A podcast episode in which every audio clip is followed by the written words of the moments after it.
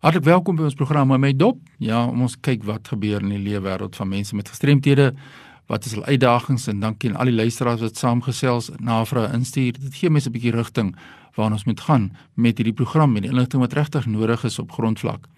Nou ek gaan die volgende paar weke bietjie kyk na verskillende opleidingsgeleenthede wat bestaan want baie mense sê maar ek wil so graag iets leer oor gestremdheid. Ek wil graag leer van mense met gestremthede. Maar wat kan ek doen? Waar kan ek kursusse bywoon? Watter inligting is beskikbaar? Natuurlik het ons toegang tot die wêreldwye netwerk en ons is toegang tot die internet. Ja, ons kan baie dinge lees en baie dinge gaan kyk, maar kom ons kyk wat gebeur hier in en om ons omgewing wanneer ons nou die ding nader in die huis toe wil bring. Nou die eerste sessie waarna ek wil verwys is mense vra maar goed, vertel ons is daar kursusse wat ons kan vertel wat ons kan meer vertel oor leefwêreld van mense wat gehoorverlies het. Nou dit kan nou mense wees wat in huise vir bejaardes is, dit kan mense wees wat in 'n werkplek is. Nou daar's 'n oulike kursus beskikbaar by die Nasionale Raad van en vir persone met gestremthede in Suid-Afrika en die kursus se naam is How to Reach Full Potential Despite Hearing Loss. So met ander woorde, die fokus in hierdie sessie gaan oor kan ons volle potensiaal bereik ten spyte van die feit dat ons een of ander vorm van gehoorverlies ervaar. Nou baie interessant hierdie sessies sê die nasionale raad van vir persone met gestremthede bestaan uit 1 uur of 2 uur of 3 uur sessies afhangend van die hoeveelheid inligting oor hierdie saak wat jy wil hê. So as ons bietjie raak daaraan aan die saak van gehoorverlies, dan is daar net so basiese inligting vir 'n uur. So gaan dit meer en meer. Dis aanlyn sessies en dit is wonderlik.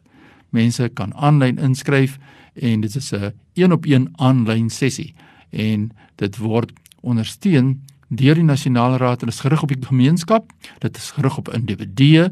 Dit gaan oor familielede want baie keer weet familielede nie hoe om 'n persoon met gehoorverlies te hanteer en natuurlik dan in die werkplek. Iemand is miskien te skaam om na vore te kom. Die Engelse term wat ons gebruik is to disclose. Hy is te, te skaam om te sê dat hy het verlies in gehoor. Maar eintlik weet al sy mede kollegas dat hierdie persoon sukkel. Hy hoor nie mooi in vergaderings nie.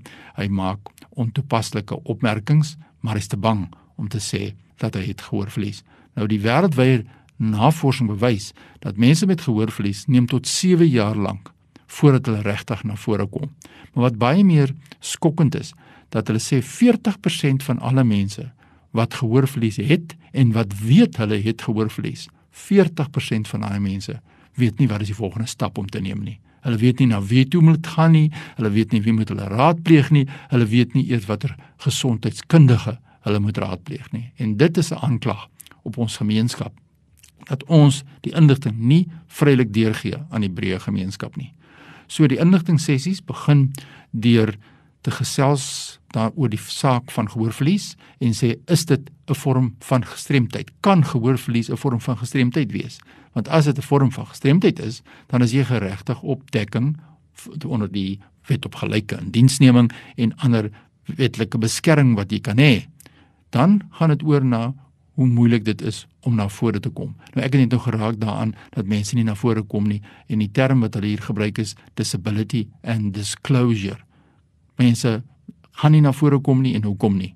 En hoe kan ons dit as mense na vore kom dan die volgende aspek wat in hierdie kursus hanteer word is hoe word mense met gehoorverlies dan beskerm deur die wetgewing. En natuurlik, hoekom moet ons dit identifiseer? Dis natuurlik belangrik want ons wil mense met gestremthede en in hierdie geval mense met gehoorverlies redelik akkommodeer. En ons het in vorige programme gesels oor redelike akkommodasie en hoe belangrik dit is.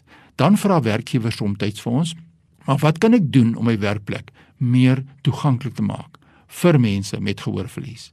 Dan kry ons dit van aftree oor dat dieselfde navraag en sê maar kom vertel vir ons en in hierdie werksessie hierdie how to reach full potential despite hearing loss word die kwessie van toeganklikheidsassesserings gedoen en hanteer en wys vir ons vir die mense die deelnemers wat kan gedoen word.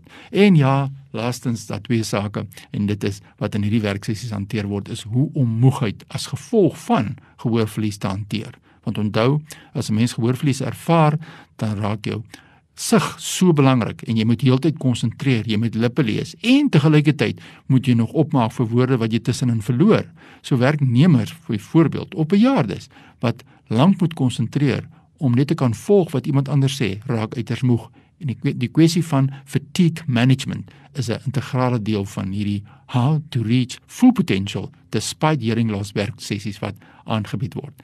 Nou ek stel voor as jy wil meer inligting hê, stuur sommer e-pos na my. fani.dt by mweb.co.za. fani.dt by mweb.co.za. Jy kan ook 'n teksboodskap stuur na my WhatsApp 082 820 7358 en ek sal seker maak dat die nodige aandag aan jou versoek gegee word rakende die opleiding wat bestaan vir mense met gehoorverlies en how to reach full potential despite hearing loss soos wat dit in die media bekend staan. My e-pos net weer fani.tt by mweb.co.za. Groetens tot volgende keer.